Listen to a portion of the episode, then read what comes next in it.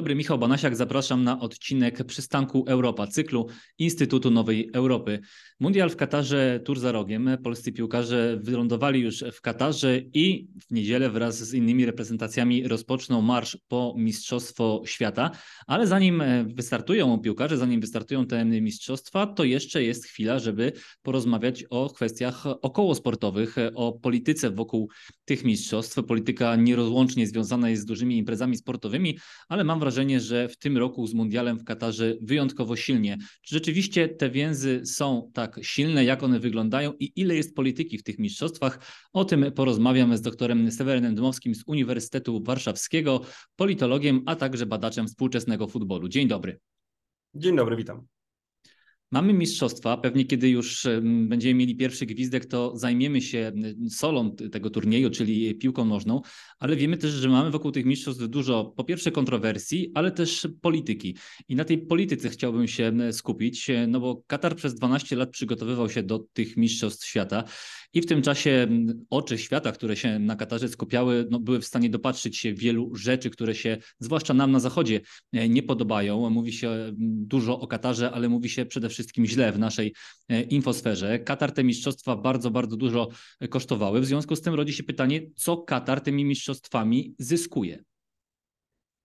Wiesz, wydaje mi się, że takim najpoważniejszym nieporozumieniem w ogóle w debacie na temat roli tych mistrzostw dla Kataru i, i, i znaczenia politycznego jest e, taki tradycyjny błąd, który popełniają Europejczycy, czy umownie ludzie świata zachodniego, starając się zrozumieć, co dzieje się na Bliskim Wschodzie. Ja nie jestem ekspertem od Bliskiego Wschodu, oczywiście, ale ewidentnie widać, że elity, liderzy opinii publicznej w Europie Zachodniej, w Stanach Zjednoczonych, oni patrzą trochę na ten mundial na ile Katarowi uda się wykorzystać soft power, tak, zjawisko sportswashingu i wyprać ten swój nie najlepszy wizerunek w oczach ludzi Zachodu. Oczywiście y, tutaj prawdopodobnie też jakieś cele Katar sobie stawia i mm, wydaje mi się, że on paradoksalnie może zrealizować je w większym stopniu niż nam się wydaje, ale to w moim, w moim odczuciu nie jest to absolutnie podstawowy i pierwszy e, cel Kataru. Katar za pomocą mm, organizacji Mistrzostw Świata w piłce nożnej,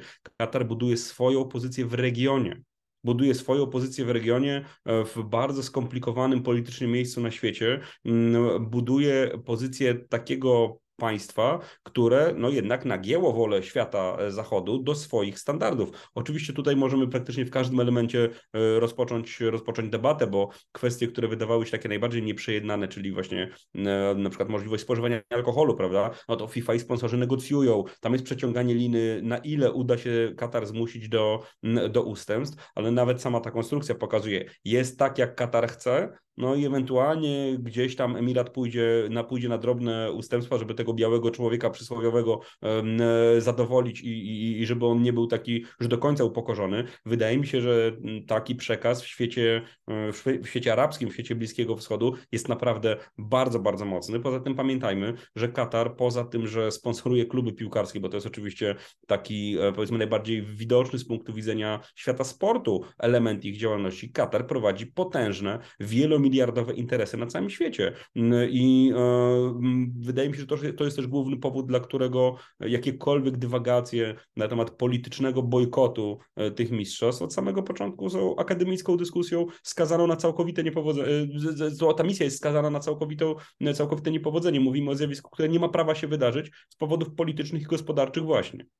Mało tego, mamy już całą listę mm, możnych tego świata, którzy zadeklarowali, że do Kataru się e, udają. Jak patrzyłem, kto już potwierdził swój udział, no to chociażby premier Holandii. Początkowo w Holandii rozważano to, żeby się do Kataru żadni politycy nie wybierali, ale uznano, że ponieważ Katarczycy pomagali w ewakuacji obywateli tego kraju z Afganistanu, a poza tym warto mieć takiego energetycznego potentata jednak po swojej stronie, to należy się tam e, pokazać. Mamy zapowiedzi ważnych polityków z rządu niemieckiego, brytyjskiego, mamy zapowiedź prezydenta Erdoana, chociaż Turcja na Mistrzostwach Świata nie gra, więc rzeczywiście widać, że te trybuny VIP będą wypełnione E, ważnymi osobistościami. No i to też nam pokazuje, że Mistrzostwa Świata, tak jak każda duża impreza, to jest doskonała platforma do robienia interesów, no bo pod płaszczykiem tego, że jedzie się kibicować swojej reprezentacji, można przy okazji będzie za kulisami dograć ważne umowy, no w przypadku Kataru przede wszystkim energetyczne pewnie, no i wojskowe, bo wiemy, że Katarczycy e, są dość rozrzutni, jeśli chodzi o zakupy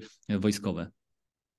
Tak, oczywiście i wiara w to, że tego typu relacje handlowe w takich bardzo kluczowych, strategicznych obszarach gospodarki, właśnie tak jak powiedziałeś, energetyka, obronność, że te deale wszystkie nagle się wysypią, prawda, i nikt nie będzie chciał z Katarem e, handlować, czy wręcz jakby może jeszcze nawet obrazi gospodarzy, gospodarzy taką ostentacyjną odmową udziału w tym wydarzeniu. No, jest to oczywiście mrzonka. Jeżeli popatrzymy na większość tych deklaracji, powiedzmy, potępiających Katar, prawda, czy w jakiś sposób dystansujących się od tej, mm, od tej imprezy, to jest to robione też w taki sposób, żeby tego Kataru w jakiś y, zbytnio, żeby ich jakoś nie urazić. Ja oczywiście mam na ten temat swoje zdanie i każdy ma swoją ocenę, powiedzmy, moralną tego, e, tego, tego zjawiska, natomiast to jest polityka, polityka przez największe, polityka przez największe P. E, i tak jak mówię, tak jak, tak jak powiedziałeś i tak jak ja wcześniej stwierdziłem, to nie jest tak, że ten, że ten bojkot mundialu w ogóle był rozpatrywany gdziekolwiek, na jakimkolwiek etapie. I nie tak dawno miałem okazję opublikować, opublikować tekst na temat e, upolitycznienia mundialu w Rosji.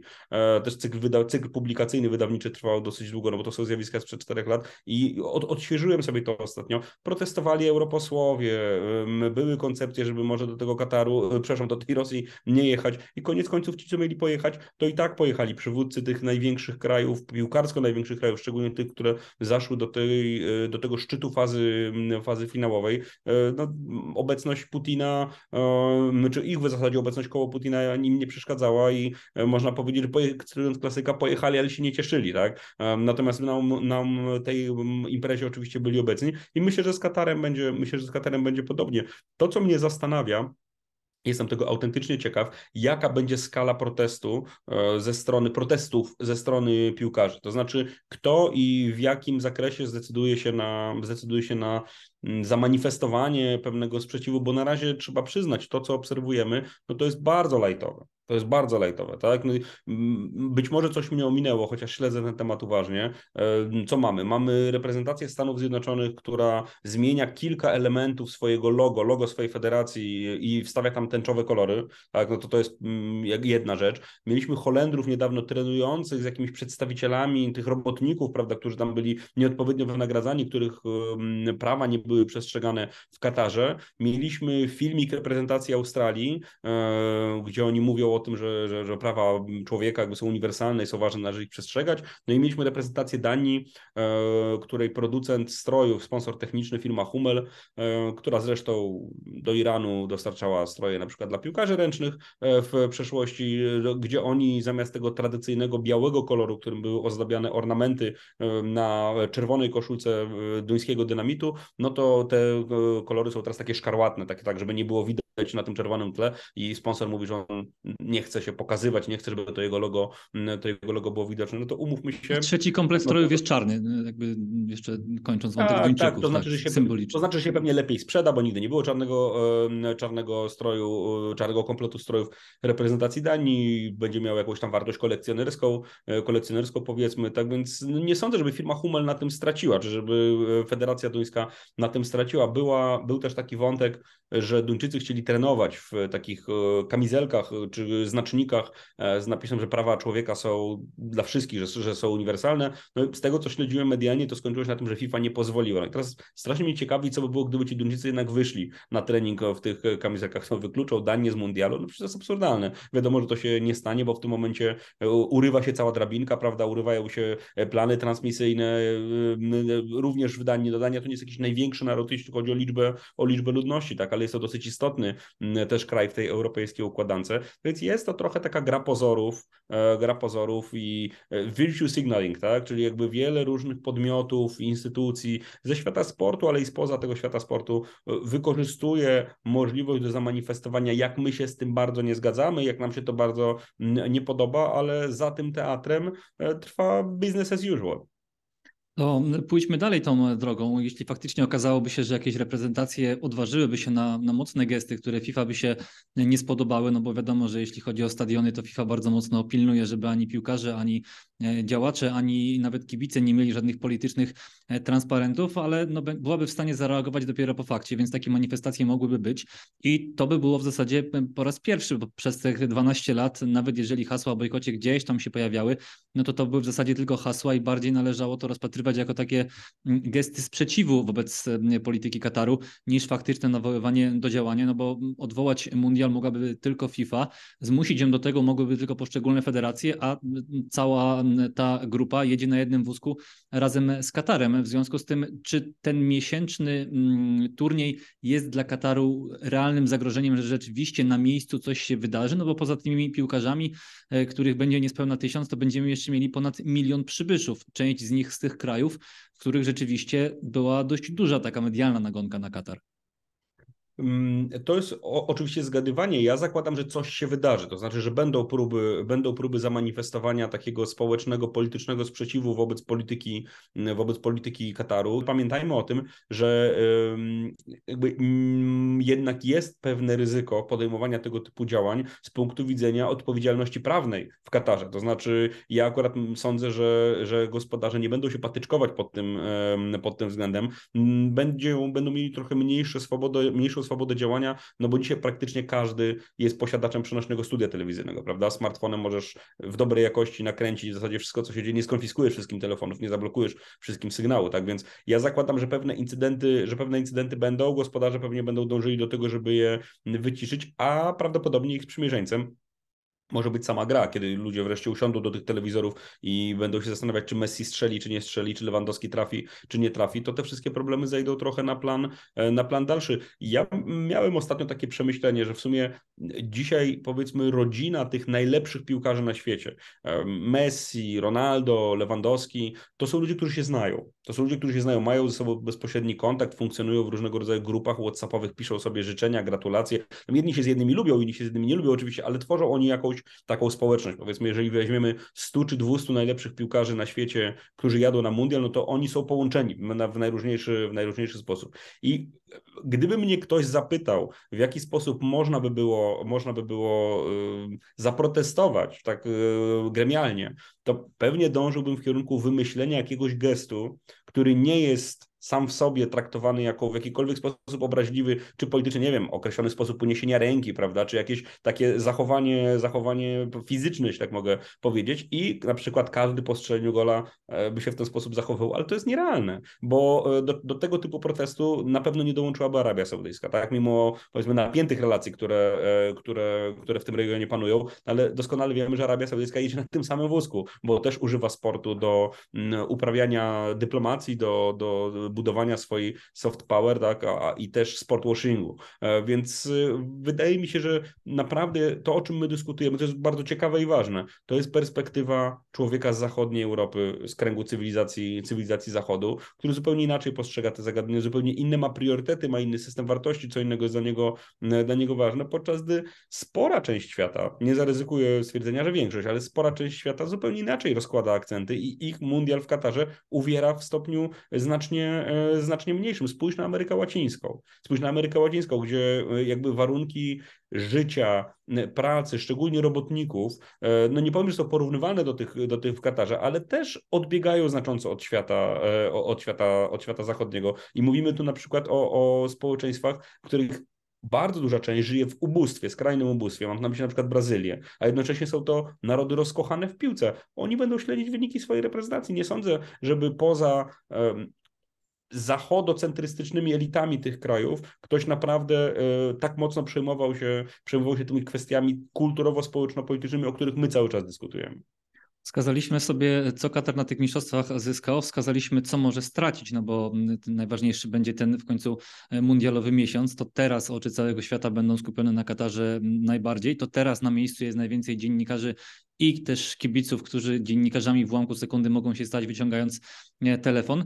A ja też stawiam taką tezę, że Europie mundial akurat w Katarze też się może przysłużyć, bo chociażby właśnie możliwość zrobienia interesów na miejscu, możliwość pojechania do Kataru pod przykrywką tego, że jedzie się po to, żeby kibicować swojej reprezentacji, no i też takie połychtanie echa, ega szejków, którzy no poza tym, że, że mają swoje polityczne i gospodarcze interesy do ugrania, to też po prostu cieszą się tym, że mogą zorganizować tak dużą imprezę i mogą ugościć tak e, wiele osób z całego świata. Czy zgadzasz się z tym, że Europa też ma tutaj mm, korzyść z tego, że akurat w tym miejscu ten mundial wylądował?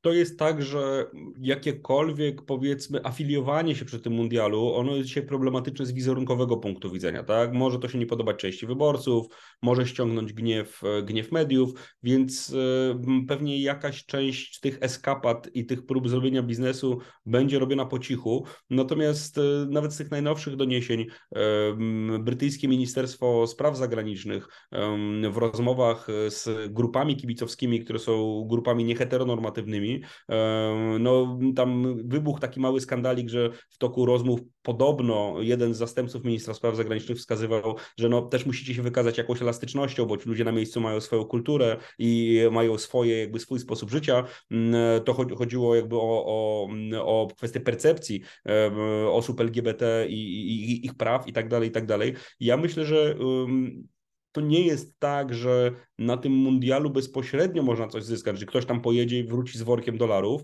ale jestem absolutnie przekonany, że nie tylko Katarczycy, nie tylko szejkowie, cały świat arabski bardzo pilnie śledzi, kto głośno nie krzyczy, a najlepiej kto nie krzyczy wcale. E, kto zajmuje taką bardzo, mm, bardzo konformistyczną postawę wobec moralnych dylematów związanych z tym e, mundialem. Jestem absolutnie przekonany, że świat arabski uważnie śledzi działania tych państw, które mogłyby protestować, mogłyby psuć Katarczykom e, klimat wokół tej imprezy, a z powodu pragmatyzmu politycznego tego nie robią.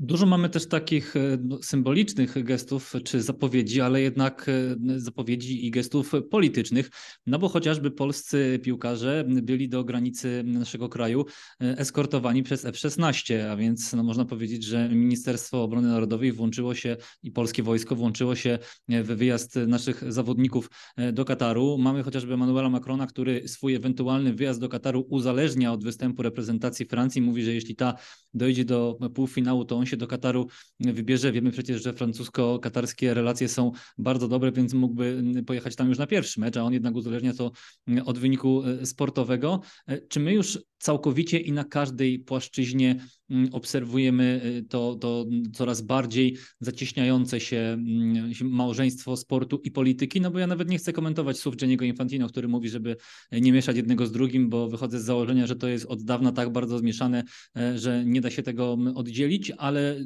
to, że nie da się tego oddzielić to jedno, czy widzimy, że to się jeszcze bardziej zacieśnia i ten trend się będzie utrzymywał? Moim zdaniem jest dokładnie tak jak, tak, jak to zostało powiedziane. To znaczy, mm, po, poziom upolitycznienia sportu, a przede wszystkim futbolu, będzie tylko rósł. Z prostego powodu, po, z prost, kilku powodów. Po pierwsze, dlatego, że cały czas obserwujemy wzrost roli pieniądza w sporcie. Pieniądze rządzą światowym sportem w stopniu niespotykanym w historii. Nic nie wskazuje na to, że mm, ten trend ma się zatrzymać albo, albo odwrócić. Uważam, że, że ten proces będzie, ten proces będzie postępował.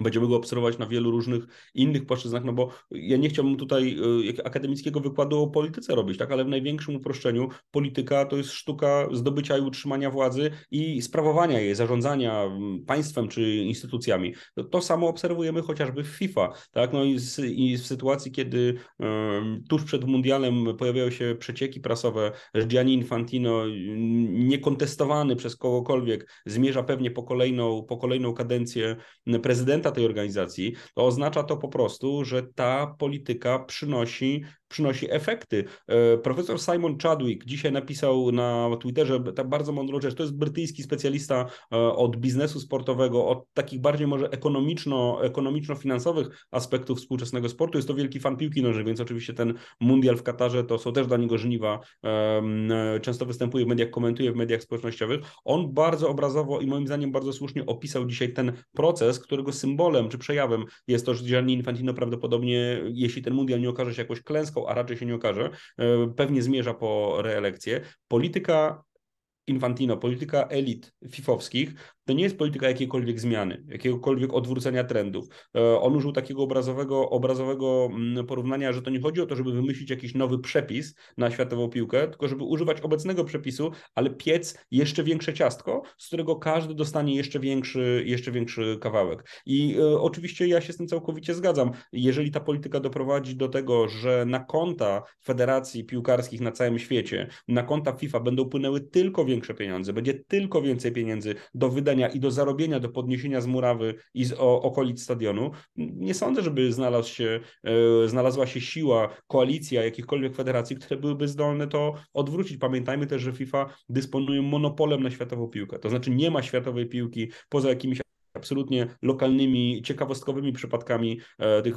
różnego rodzaju non-FIFA games, tak? Grenlandia z Laponią e, sobie gdzieś zagra nieoficjalne Mistrzostwa Świata. Nie ma piłki przez duże P futbolu, który faktycznie przynosi takie zyski materialne poza FIFA, więc też jestem absolutnie przekonany, że jeżeli ktokolwiek chciał w sposób zorganizowany i systemowy przeciwko temu protestować, próbować zawracać e, tę, tę, tę rzekę, no to musiałby się liczyć z konsekwencjami wewnątrzorganizacyjnymi. Zaraz by się okazało, że być może ta federacja no, nie jest w stanie stanie korzystać z pełni swoich, mm, z pełni swoich praw w ramach e, statutu, statutu FIFA. Nie oczekuję tutaj absolutnie żadnej zmiany na lepsze w najbliższej przyszłości.